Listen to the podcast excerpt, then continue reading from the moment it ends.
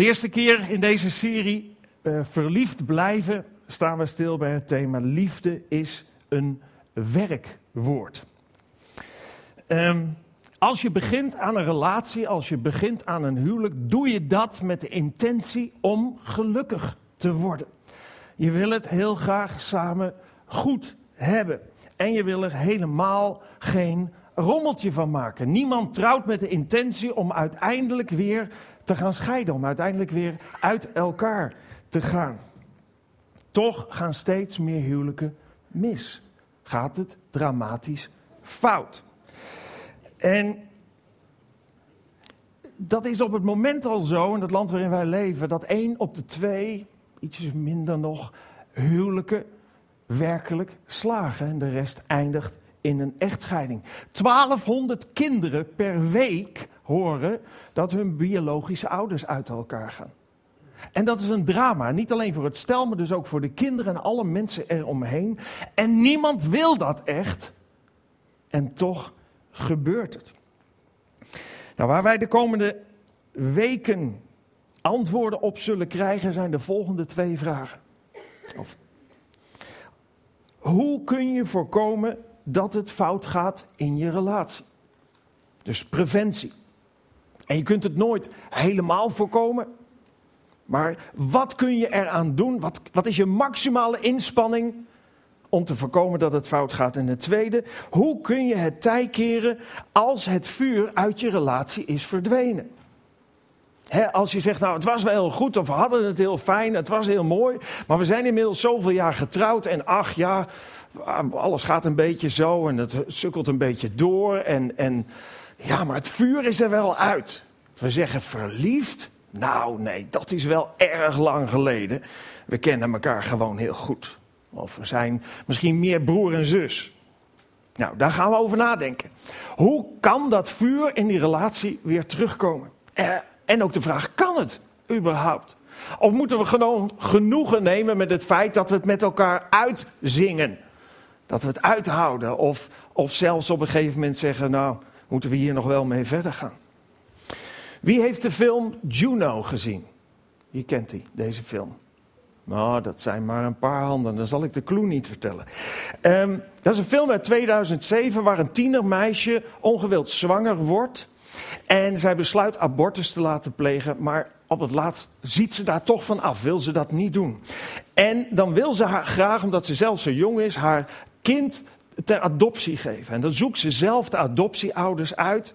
En uh, allemaal verschillende uh, ingewikkelde dingen die er dan gebeuren. Want die adoptievader wordt verliefd op haar. En die wil weg met zijn eigen vrouw. En dat dan, nou, het is een enorme chaos. Maar door die hele film heeft Juno verschillende gesprekken met haar vader. En op een gegeven moment stelt ze aan haar vader een hele belangrijke vraag. Een vraag misschien die je ook wel hebt. Waar je ook wel graag een antwoord op zou willen hebben. Of je nou getrouwd bent of een relatie hebt, of je nog aan moet beginnen. Een vraag, en dat is het volgende. Papa, is het echt mogelijk dat twee mensen voor altijd samen gelukkig zijn? Geen onlogische vraag. Niet onlogisch als je in haar omgeving kijkt, maar ook niet onlogisch als je in je eigen omgeving kijkt. Want een heleboel van ons hebben misschien wel heel direct te maken gekregen met huwelijken die misliepen of relaties die misliepen. Misschien zijn je ouders wel gescheiden. Misschien heb je zelf een scheiding meegemaakt. En heb je gezien wat daar de consequenties van zijn. Of misschien heb je het wel meer indirect meegemaakt van vrienden, van familieleden, van, van broers of zussen. En heb je gezien wat voor een ellende het brengt en hoe moeilijk het is? En die vraag kunnen ook gesteld worden door mensen die misschien nog wel bij elkaar zijn. Je zou kunnen zeggen die gelukkig nog wel samen zijn, maar niet samen gelukkig zijn. Wat natuurlijk wel de intentie is. We willen niet alleen maar de tijd uitzingen. Ergens misschien heel ver weg weten we dat het mogelijk is. Maar langzamerhand achten we het steeds minder waarschijnlijk. En, en er wordt zelfs al steeds meer geanticipeerd, ingespeeld op de mogelijkheid van scheiding. Laatst hoorde ik van een stel die schreef onder ieder bord en kopje en cd de naam van wie het betaald had. Als ze uit elkaar zouden gaan, dat ze het dan meteen geregeld hadden. Nou, dat is de kortste weg naar een scheiding, zou ik zeggen. En dat gebeurt dan ook natuurlijk. Maar om deze vraag van Juno maar meteen te beantwoorden. Ik weet zeker dat het mogelijk is. Dat twee mensen een leven lang samen gelukkig kunnen zijn. Ik kan nog niet helemaal van een leven lang spreken, maar ik ben inmiddels wel 27 jaar met Ellen gelukkig getrouwd. Zo begon het allemaal 27 jaar geleden. ja, dat is even schrikken. Dat is voor mij ook iedere keer. Ja. Geen krullen, snor, Elle is helemaal wit geworden. Grijs. Nou, wit eigenlijk, hè. Ze is mijn engel. Um, maar we zijn na die 27 jaar nog steeds verliefd. Dat kan ik echt zeggen. We zijn nog steeds verliefd. Is dat omdat ik zo'n fantastische man ben? Nee. Nee, dat is niet zo. Is dat omdat Elle volmaakt is? Nee, Elle is niet volmaakt. Ze is wel fantastisch, maar ze is niet volmaakt. Nee, dat heeft ermee te maken dat wij in de loop van ons huwelijk een aantal zeer doeltreffende principes voor ons huwelijk in ons huwelijk zijn gaan toepassen. En dat heeft het gemaakt tot waar we nu zijn, een feest. En dat zijn Gods principes. God die er die de schepper is van hemel en aarde, die man en vrouw samen heeft gebracht, die als je de Bijbel een beetje leest, zo fantastisch mooie dingen zegt over het huwelijk, die het zo goed zou je kunnen zeggen ontworpen heeft, maar het is wel belangrijk dat we zijn uitgangspunten ook hanteren. En over die principes, over die uitgangspunten die je in je eigen relatie kunt toepassen, nu of in de toekomst, daar gaan we het in deze serie over hebben. En ik zeg je alvast maar, die principes worden niet ondersteund door de cultuur waarin wij leven. Soms zul je momenten hebben als je die vijf weken hier bent, dat je met kromme tenen zit. Omdat je zo anders gewend bent of zo anders gewend bent te horen. De cultuur ondersteunt het niet. Maar zie het resultaat van de principes die onze cultuur hanteert. Dat is niet best. Ik zal eerst 10 seconden iets zeggen over verliefd worden. Meer dan 10 seconden heb ik daar niet voor nodig. Wat is er voor nodig om verliefd te worden? Daar heb je niks meer voor nodig dan een polsslag. Oftewel, je hart moet kloppen. Als je hart klopt, dan kun je verliefd worden. En er zitten hier mensen die zijn verliefd op iemand die ze nog nooit hebben ontmoet. Dat weet ik zeker. als ik uh, dit plaatje wat nu, Justin Bieber, ehm, bijvoorbeeld, hè, nou, dan kun je helemaal smoor verliefd op zijn. Dat je denkt, oh man. En het is natuurlijk ook een lekker ding als je het ziet zo. Hè.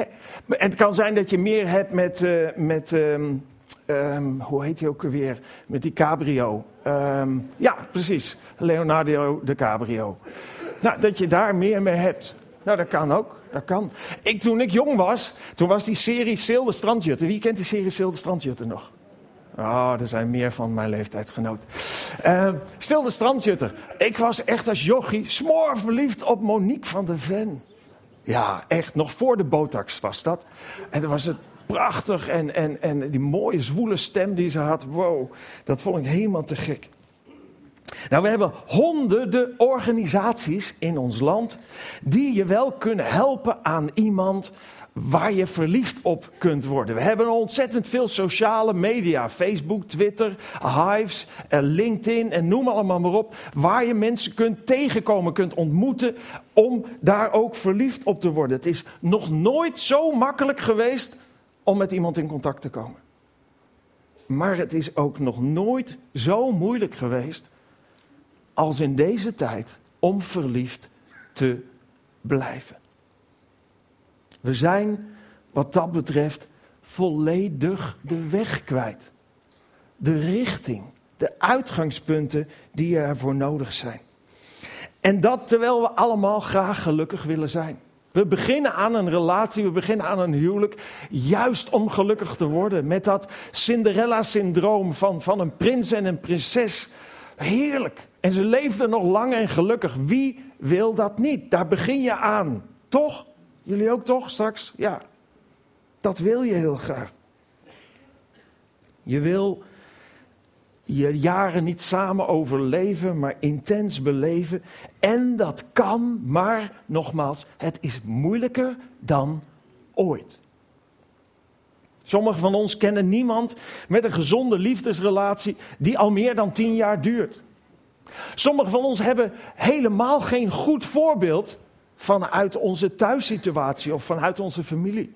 Ik zei al, onze cultuur helpt ons niet.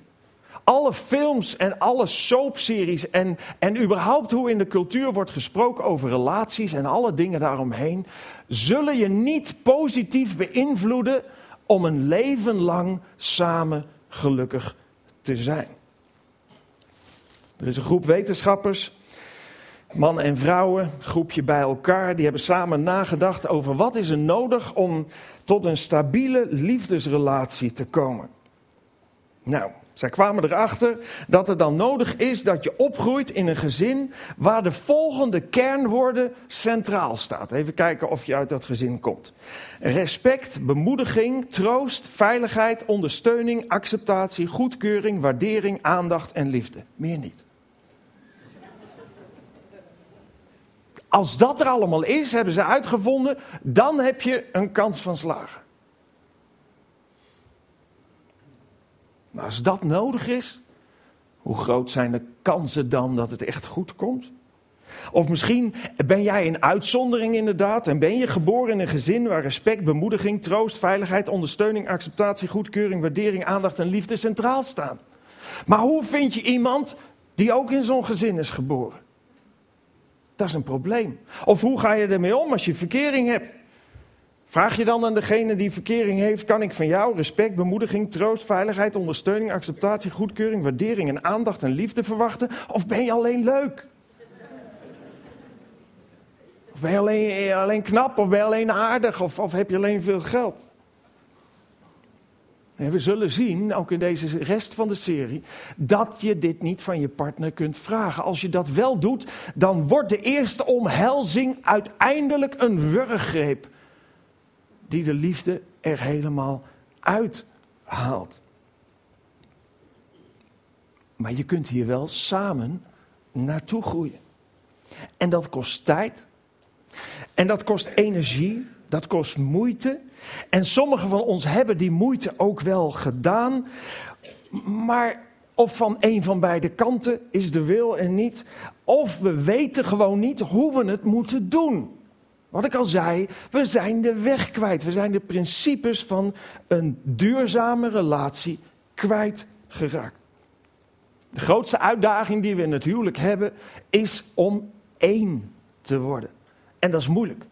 Dat is lastig je bent allebei in een verschillend gezin groot geworden, misschien zelfs wel in een verschillende cultuur, verschillende achtergrond, in verschillende opleidingen, verschillende gezinnen waar je uitkomt, verschillende voorkeuren en dan kom je bij elkaar.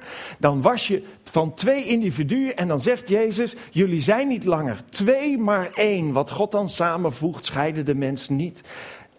Van twee één worden, dat vraagt dat je bereid bent om delen van jezelf op te geven ten gunste, niet van je partner, ten gunste van die eenheid. En dat is niet gemakkelijk. En een groot probleem daarbij tegenwoordig is dat onze pijngrens zo ontzettend laag ligt. Er hoeft maar even iets tegen te zitten of we geven het op. Soms denken we ook, als het even niet lukt, dat we een verkeerde partner hebben gekozen. Dat is vrijwel nooit het geval. Alleen, het is een moeilijke weg om één te worden. Als ik kijk naar onze relatie van Elle en mij, dan ben ik blij dat we nooit hebben opgegeven, maar daar waren pieken en dalen, diepe dalen. Maar trouw is hetgene wat je daar doorheen sleept. En we hebben ontzettend veel moeten leren. En veel aan onszelf moeten werken. Maar dat was het wel waard. Want daardoor hebben we ook we hebben de verantwoordelijkheid gekregen voor vijf kinderen die ons gegeven zijn. En het is belangrijk dat die vijf kinderen dan ook in een stabiel gezin opgroeien. En zien dat er liefde is en zien dat die moeite wordt gedaan om de relatie te laten slagen. Wij zeggen wel eens, en dat is best lastig, maar wij zeggen wel eens vrijwel iedere echtscheiding. Ik zeg niet allemaal. Ik kan van niks zeggen allemaal en het geldt altijd. Maar vrijwel iedere echtscheiding is een gemiste kans aan karakterontwikkeling. Is een gemiste kans aan vorming. Want je gaat naar een volgende relatie en het probleem is, je neemt jezelf mee. En de kans van slagen, statistisch zelfs, dat een tweede relatie slaagt, is nog kleiner wanneer je niet goed de principes kent. We zijn nog geen 50 jaar getrouwd, maar wel 27. Een beetje ervaring hebben we. Maar we hebben nog meer ervaring opgedaan door de honderden uren gesprekken die we hebben gehad met mensen die vastgelopen zijn in een huwelijk.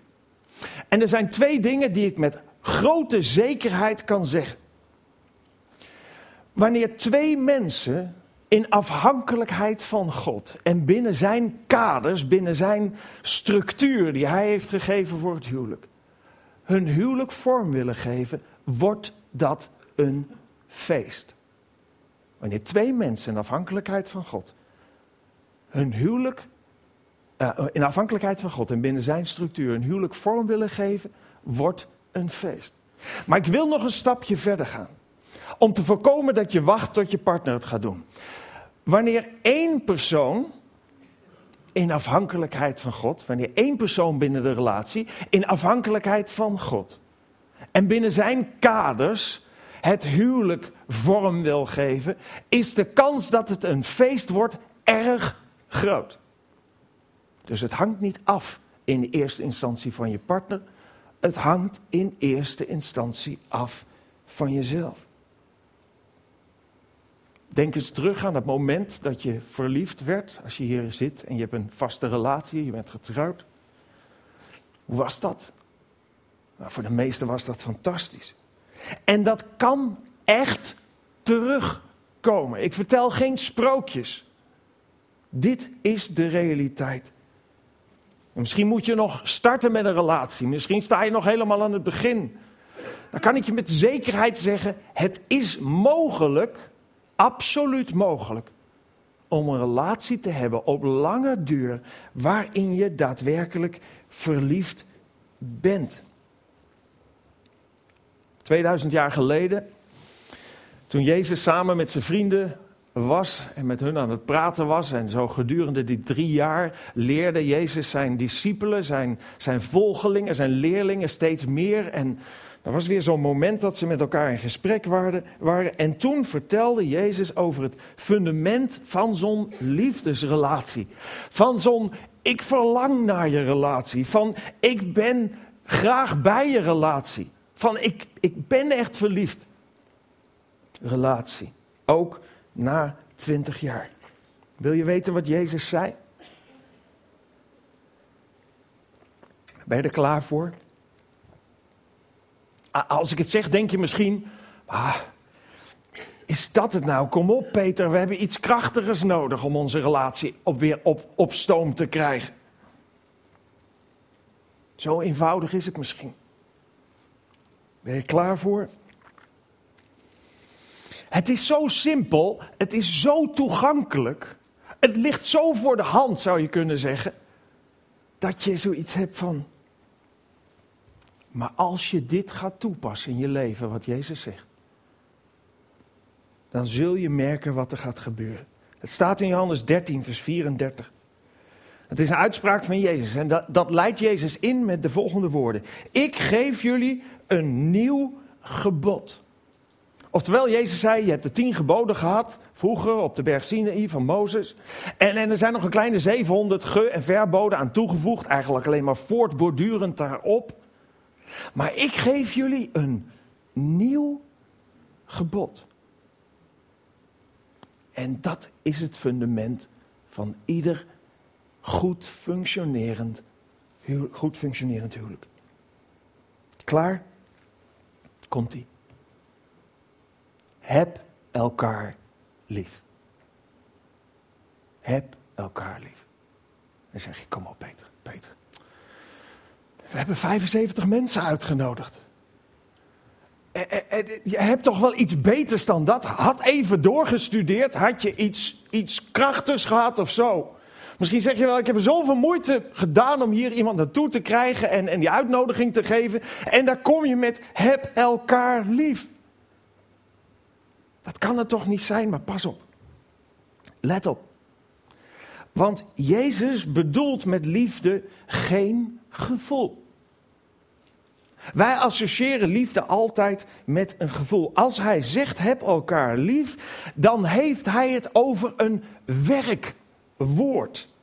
Hij geeft ons als het ware een opdracht mee. Jezus zegt: bedrijf de liefde. En nu zie ik allemaal mannen glimlachen die denken: oké, ga door, ga door, ga door. Hier wil ik meer van weten. Nee, bedrijf de liefde. Breng liefde in de praktijk. Laat liefde een werkwoord zijn.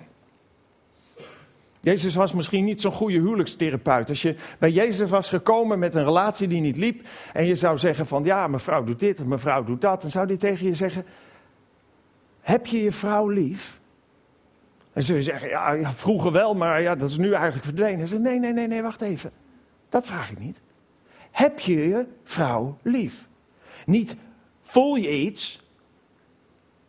Heb je je vrouw lief? Heb je je man lief? Los van wat je voelt. Liefde, lieve mensen, en dat is de crux van dit verhaal, is een werkwoord en geen gevoel. Verliefde, verliefd zijn is een gevoel. Verliefdheid is een gevoel. Ik heb al eens vaker gezegd: verliefdheid is als in je broek plassen. Ehm, iedereen ziet het aan je, maar alleen jij hebt dat warme gevoel. Dat is, dat is dus echt gevoel. Dat heeft met gevoelens te maken en dat heb jij en dat hebben anderen niet, maar ze zien wel dat je het hebt. Dat is verliefdheid. Maar liefde, als de Bijbel spreekt over liefde, dan gaat het over een werkwoord. En liefde in praktijk, je zou kunnen zeggen liefde in uitvoering, gaat vooraf aan een gevoel. Verliefdheid komt vanzelf, hoef je niks voor te doen. Komt gewoon en verdwijnt ook weer. Maar eigenlijk moet je dat vasthouden.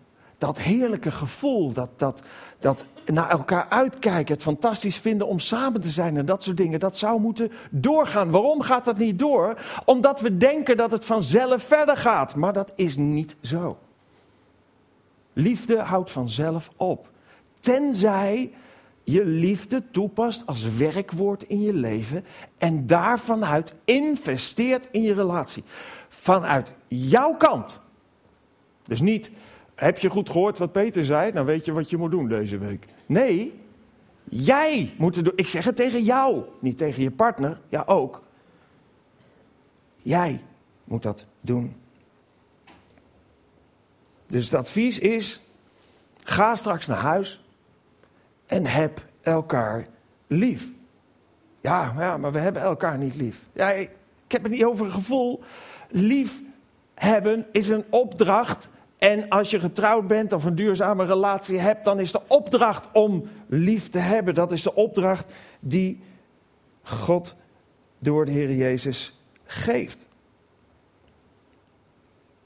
En soms denk je, dat merk je dan, dan hebben mensen zoiets van ja, dat gevoel is er niet meer. En dan gaan ze naar de buurvrouw of naar een collega of wat dan ook. En dan zeggen ze, ja, nu heb ik dat gevoel weer. Ja, dat klopt, natuurlijk. Dan ben je weer verliefd en dat komt vanzelf en daar hoef je niks voor te doen. Maar als je dan een poosje verder bent, is dat ook weer weg. Als je daar niet in investeert. Het is geen oplossing. Het is geen oplossing. En de komende vier weken ga ik je helpen te ontdekken, nogmaals, wat jij moet doen om het vuur in je relatie weer aan te wakkeren. En ik wil je alvast wat praktische aanwijzingen voor de komende week meegeven om daarmee van start te gaan. Het zijn eigenlijk allemaal werkwoorden en dat gaat over de liefde. Het staat in 1 Korinthe 13. En daar staat, liefde is geduldig en vriendelijk. Het was een werkwoord liefde, dus er staat, wees vriendelijk en wees geduldig naar je partner. Liefde is niet jaloers.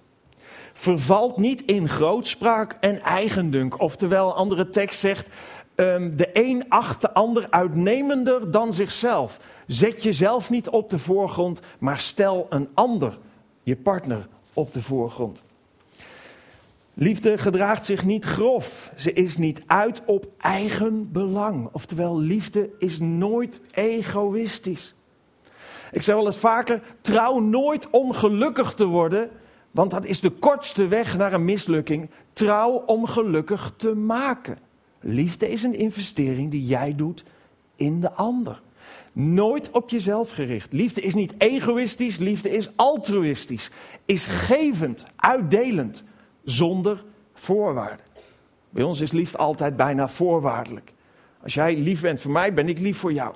Als jij mij een kerstkaartje stuurt, stuur ik jou een kerstkaartje. Maar als jij mij een jaar geen kerstkaart stuurt, stuur ik jou volgend jaar ook geen kerstkaart.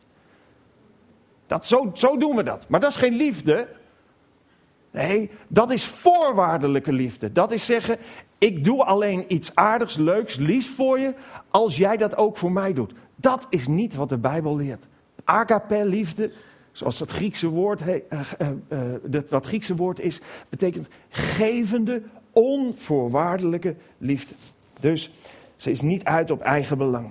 Ze raakt niet beledigd en ze rekent het kwaad niet aan. Dat betekent liefde is vergevingsgezind. Ze verheugt zich niet in onrecht, maar vindt vreugde in de waarheid. Liefde zoekt transparantie, openheid, eerlijkheid naar elkaar. Ze kan alles verdragen.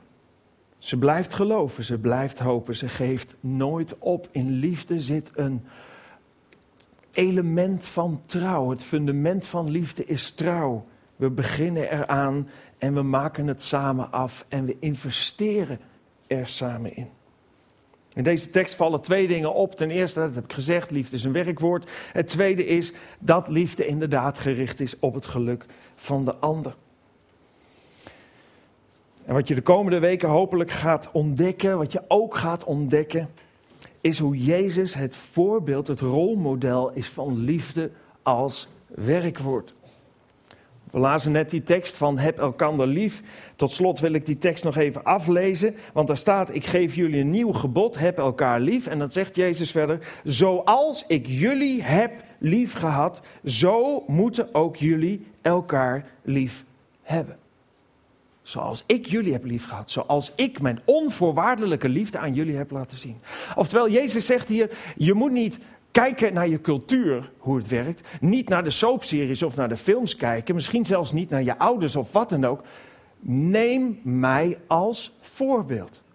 Het ultieme voorbeeld van onvoorwaardelijk gevende liefde is wat Jezus heeft laten zien toen hij naar deze aarde kwam. En vandaar ook de uitnodiging van Jezus aan ons allemaal. Als hij zegt, kom tot mij. Alle die vermoeid en belast zijn en ik zal je rust geven. Misschien ben je vermoeid en belast in je relatie. Misschien weet je al heel lang, heb je al heel lang zoiets. Wat hebben we nog? Wat is het nog? Wat is het waard? Maar Jezus zegt, kom tot mij, alle die vermoeid en belast zijn. En dan zegt, en ik zal je rust geven. Neem mijn juk op u en leer van mij. Ik wil je leren hoe je relatie veranderen kan. Want ik ben zachtmoedig en nederig van hart. En ge zult rust vinden voor uw zielen. Want mijn juk is zacht en mijn last is licht. En hoe werd Jezus het voorbeeld in de wereld waarin wij leven?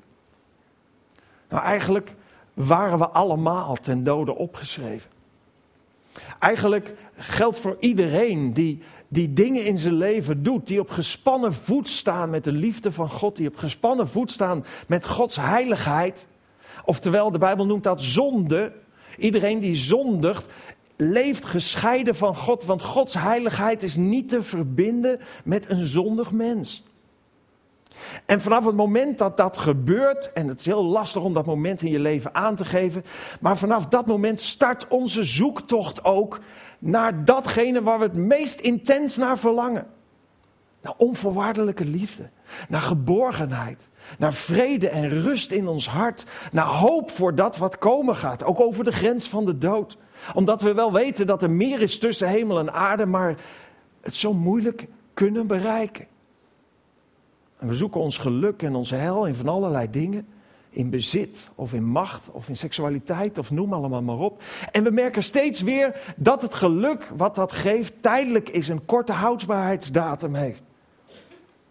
Vanuit de Bijbel, vanuit Gods woord leren we dat God de bron van liefde is. En het voorbeeld is zijn zoon, de Heer Jezus Christus. Die naar deze aarde kwam, niet om ons een veeg uit de pan te geven.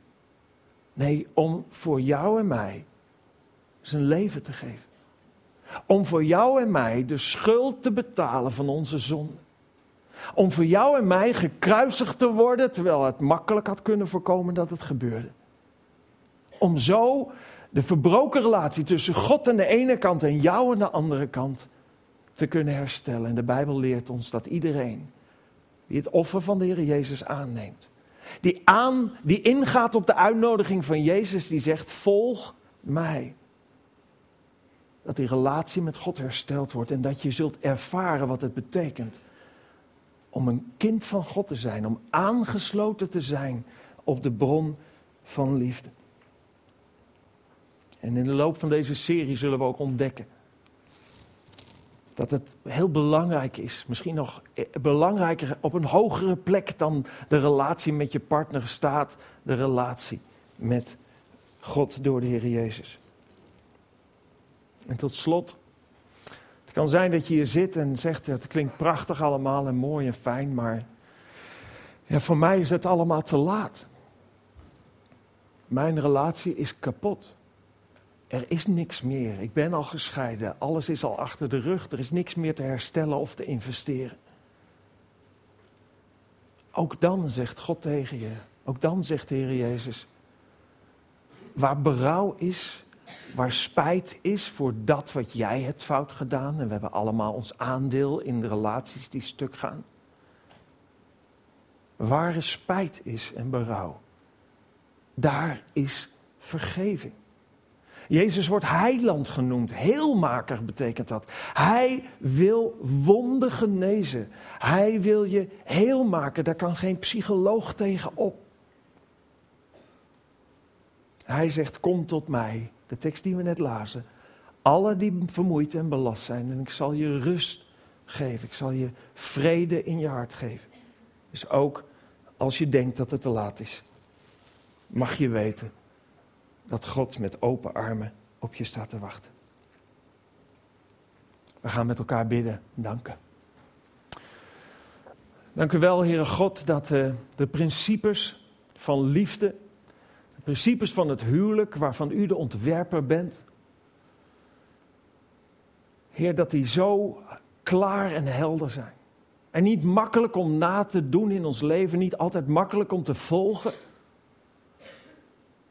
Heer, maar in wezen zijn de principes zo simpel en als we ze gaan toepassen in ons leven, Heer, dan gebeurt er wat in onze relaties. Dat is wat het ijs breekt. Dat is wat het ijs doet ontdooien. Liefde overwint altijd het kwaad en negativiteit. Heer, ik wil u zo bidden of u ons wilt helpen in ons leven. Of u ons wilt helpen om ons leven op orde te krijgen. Of ons wilt helpen om die principes te leren als we nog in een relatie zitten die misschien ja, maar zo, zo is. Heer, wilt u ons helpen om die principes toe te passen? Niet alleen wat we nu bespreken, maar ook de komende weken. Zodat er een, een bloei kan komen. Of we nou 30, 40 of 50 jaar getrouwd zijn, of 10 of 1. Het maakt niet uit. Het is altijd de moeite waard het is een investering met een gigantisch rendement. Heer, wil u zo bidden. U kent ons allemaal hoofd voor hoofd, zoals we hier zitten. U kent ons leven. Ik wil u zo bidden, wilt u ons hart aanraken met uw liefde? Heer, en wat wilt u ons aan de hand nemen? Zodat we nu en ook in de komende weken meer zullen begrijpen van wie u bent en wie u in ons leven wilt zijn. Dat bidden we u zo in Jezus' naam. Amen.